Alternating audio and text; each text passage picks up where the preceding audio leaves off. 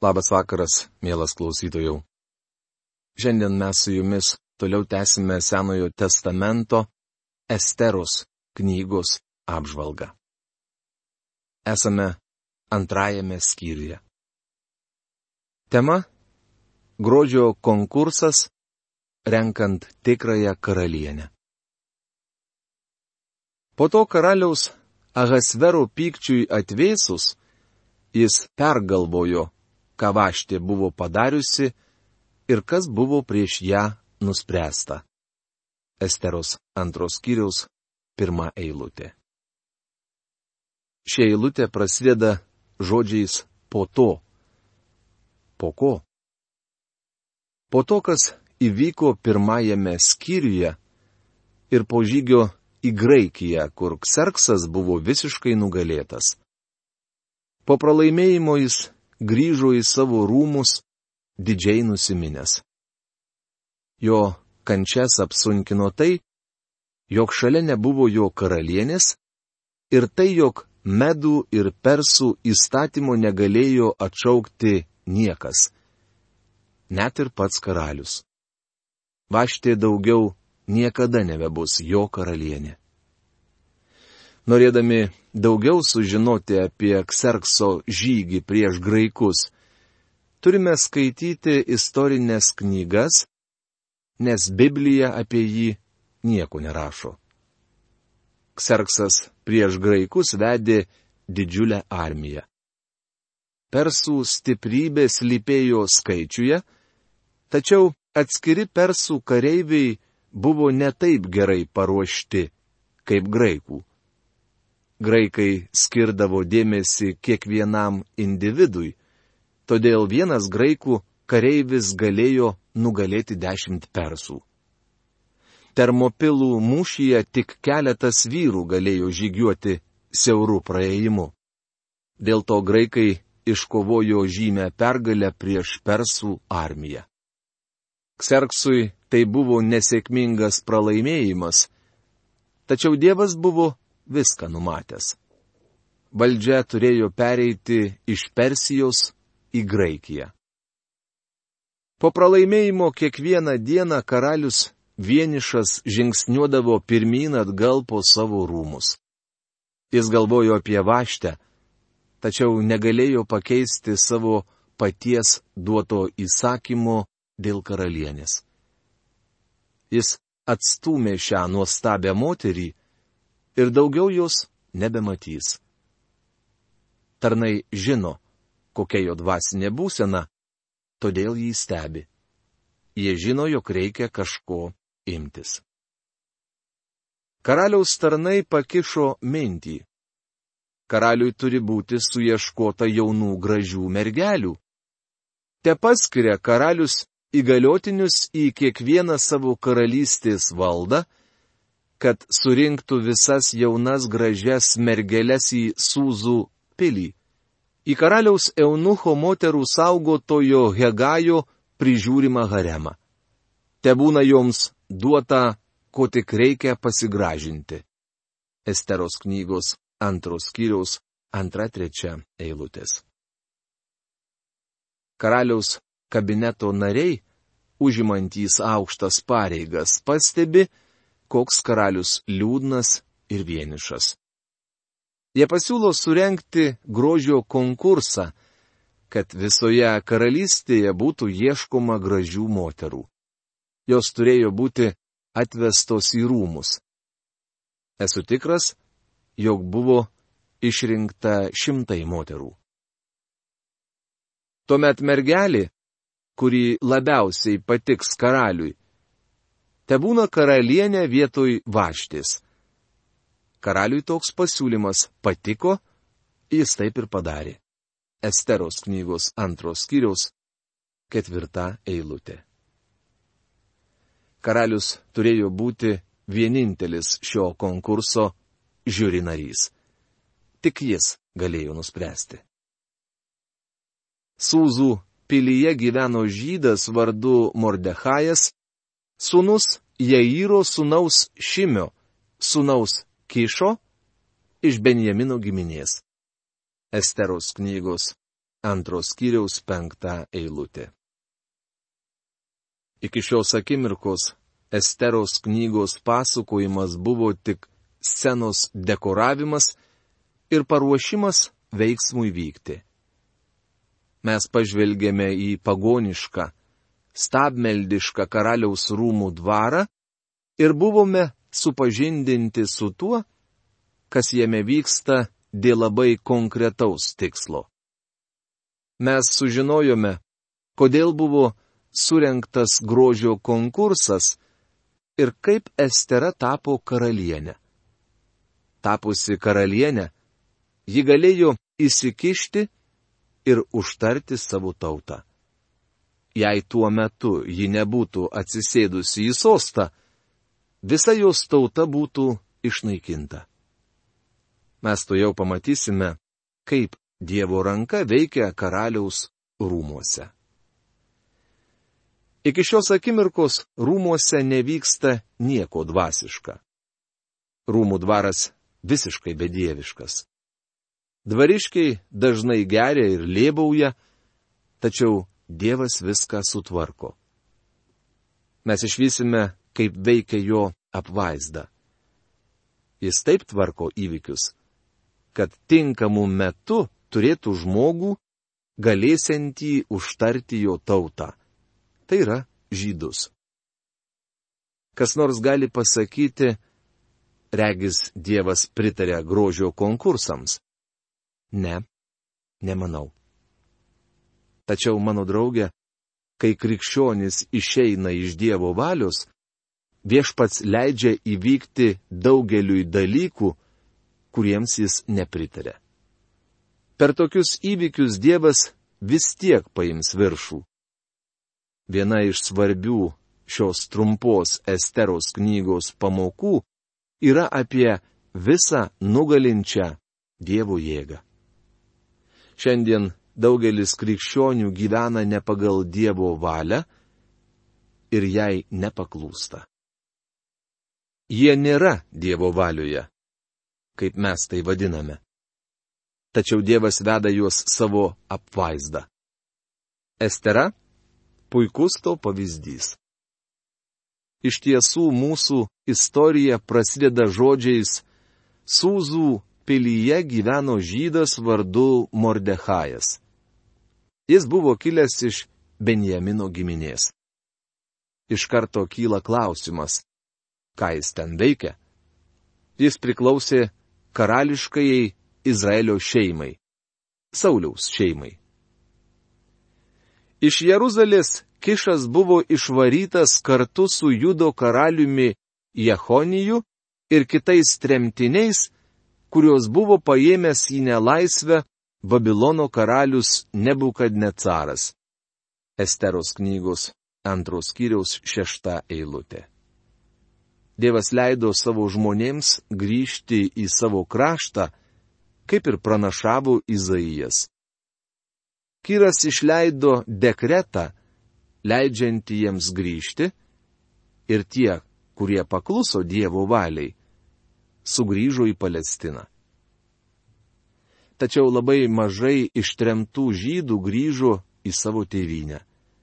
Didesnė jų dalis liko gyventi tremties žemėje, iš pagonių jie išmoko krautuvininkų amato ir nusprendė pasilikti. Jiems ten patiko. Kai buvo suteikta laisvė grįžti į savo tėvynę, jie nebenorėjo. Daugelis jų, nepaklusdami Dievo valiai, pasirinko pasilikti. Ir Mordechajas buvo vienas iš jų.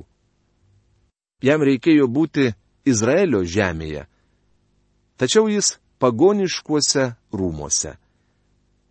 Ten Mordechajas dirbo politiku. Galbūt pamenate, kad Juozapas Egipte taip pat dirbo politiku, tačiau jis buvo Dievo valioje. Danielius Babilono rūmuose taip pat gyveno, paklusdamas Dievo valiai. Tačiau Mordechajas ne Dievo valioje.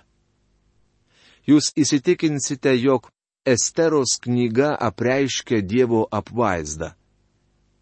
Kaip jau minėjau, populiarus žodžio apvaizda apibrėžimas skamba taip. Apvaizda parodo, kaip Dievas lyg treneris padeda žmogui pasiekti finišą. Mordechajas bus atvestas iki finišo, nors jis išklydęs iš Dievo valios ir neprašo Dievo pagalbos.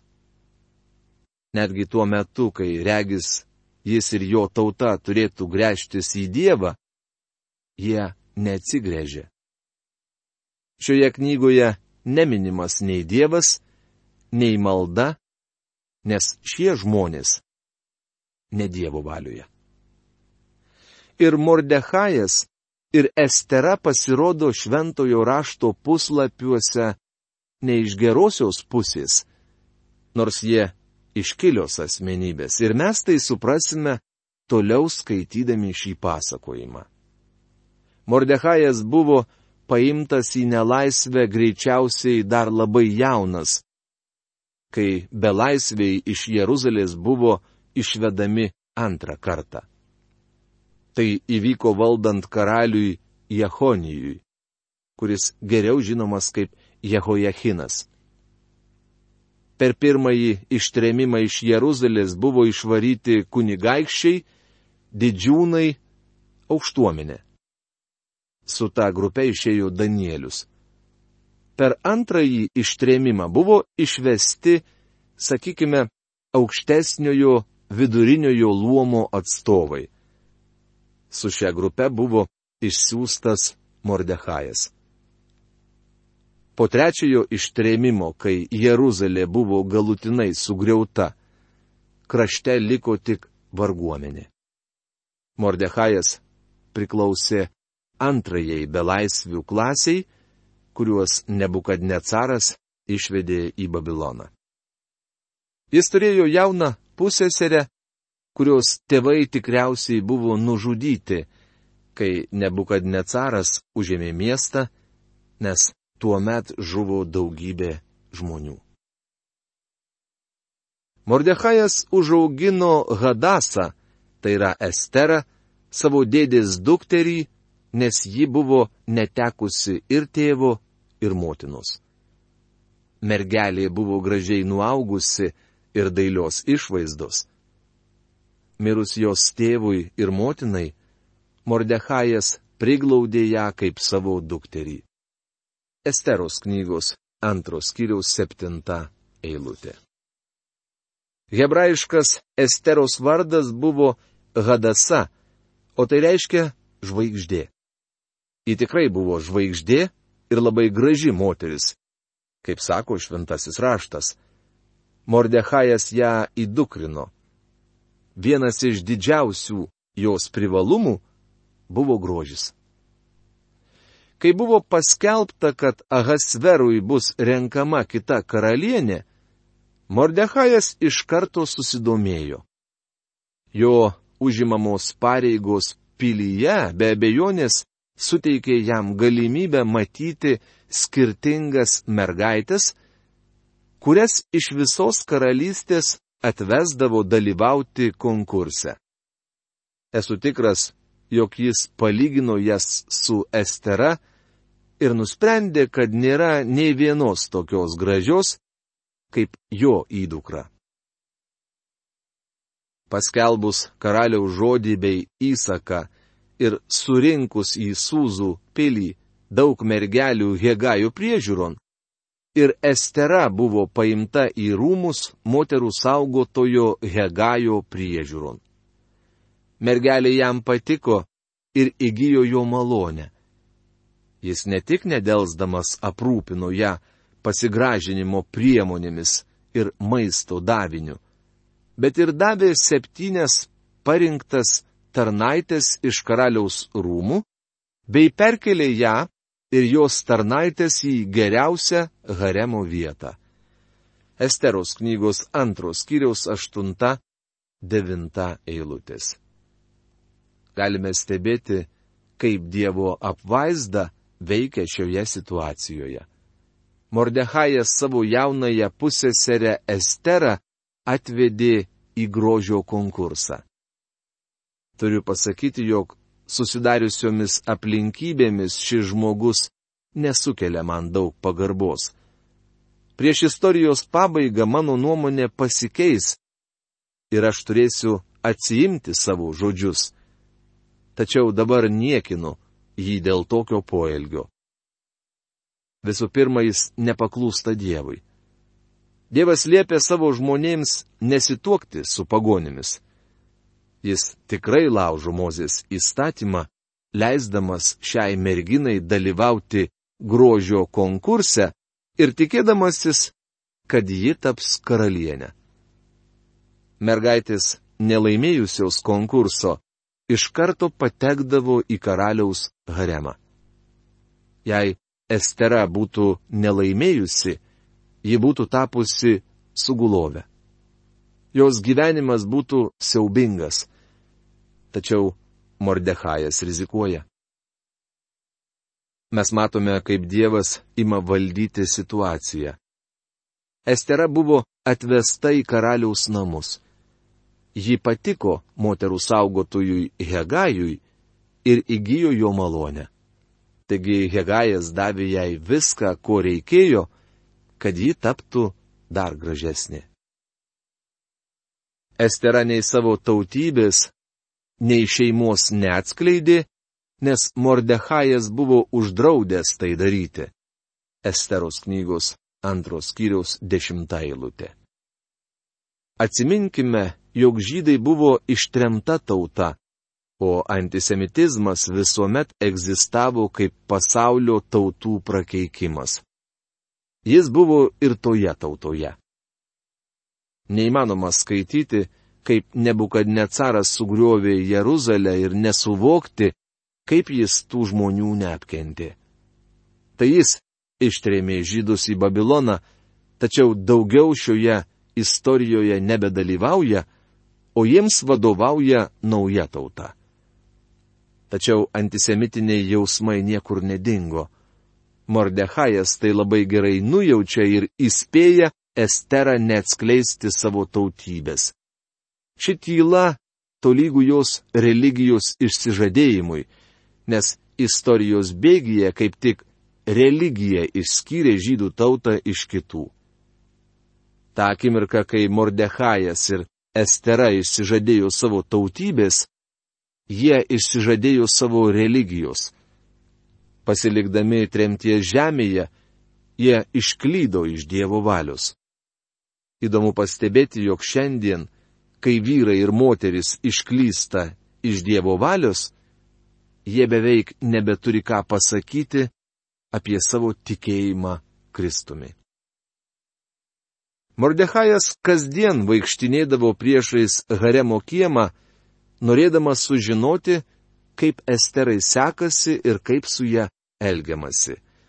Esteros knygos antros kiriaus 11 eilutė.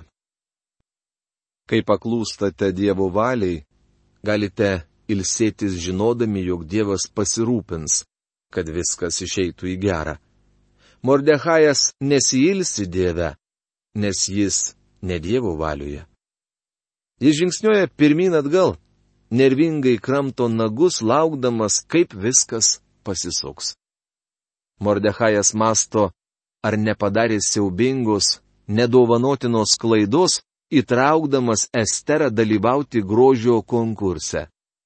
Jis labai išsigandęs dėl savo poelgio. Jis taip jaudinasi, kad jam net negera. Mordechajas nemiega naktimis. Kai esi ne Dievo valioje, negali ilsėtis ant laurų ir tvirtinti, jog viskas bus gerai. Iki šios akimirkos jis nieko netidavė ir jau nebegali atiduoti į Dievo rankas. Nemanau, jog jis ką nors nutuokė apie Dievo apvaizdą. Tačiau šioje situacijoje Dievas perima valdžią. Norėčiau vėl priminti, kaip aš apibrėžiu žodį apvaizda. Apvaizda tai Dievo būdas vesti žmogų, kuris nesiduoda vedamas mes matome, kaip šią akimirką Dievas pradeda veikti. neatsitiktinai Esterai suteikiama svarbiausia vieta, jai rodoma visokiojopa malonė ir ją rūpinamasi. Dieve nėra atsitiktinumų. Paskaitykime apie tai, kaip vyko mergaičių gražinimas.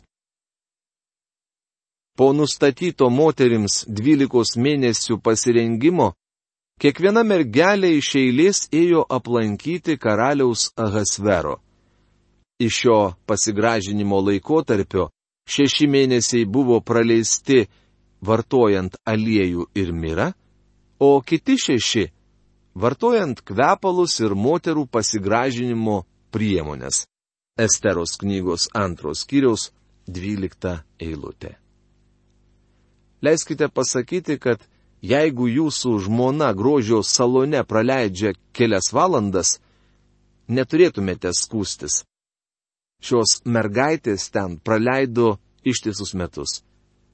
Pirmosius šešis mėnesius jos eidavo prie mineralinių šaltinių ir tepdavosi aliejais. Kitus šešis mėnesius kvėpindavosi. Manau, jog tais laikais jos netgi plaukiojo odekolone, kad pasirenktų eiti pas karalių. Matote, kaip stipriai buvo pabrėžiami fiziniai dalykai, o tai būdinga pagonių kultūrai.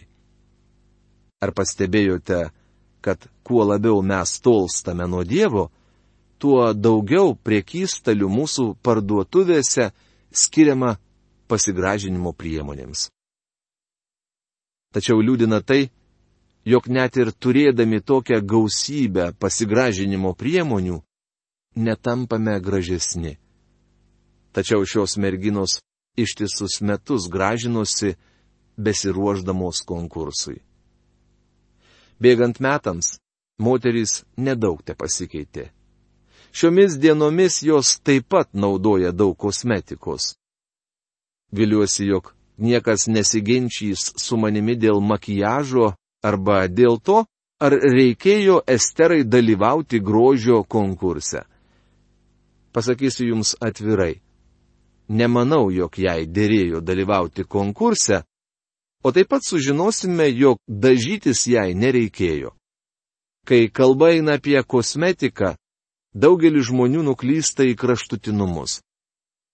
Kai Los Andželė, Kalifornijos valstijoje tarnavau pastoriumi, Kartą prie manęs priejo moteris. Jos nuomonė, kai kurios merginos per daug dažėsi, o krikščionėms tai nedėra. Kai paklausė, ką aš apie tai manau, pastatė mane į nepatogią padėtį. Aš atsakiau, na, tai priklauso nuo moters. Kai kurios moterys taptų daug gražesnės, jei vartotų nors šiek tiek kosmetikos, ir aš manau, jog turime deramai elgtis su tuo, ką Dievas mums davė. Kai kurios moteris, kurios nepasidažo man panašios į raganas. Ji priėmė tai asmeniškai. Noriu pridurti, jog ji turėjo tam pagrindo. Taip norėjau jai pasakyti, moteriške, šiek tiek makijažo suteiktų jums daug grožio. Esteros atveju Dievas visą tai leido savo apvaizdą. Tai, jog ji dalyvauja konkurse ir ją priima žmogus atsakingas už konkurso dalyves, vyko Dievo sutvarkymu. Moterų saugotojo Hegajo nuomonė, Estera turėjo nugalėti, todėl jis visur teikė jai pirmenybę. Dievo programoje tai buvo žingsnis į priekį. Tai nebuvo atsitiktinumas. Jos gyvenime veikė Dievo apvaizda. Mielas klausytojau, šiandien šioje rašto vietoje mes sustosime. Bet kitoje laidoje pratesime šios skyriaus apžvalgą. Iki malonaus sustikimo. Sudė.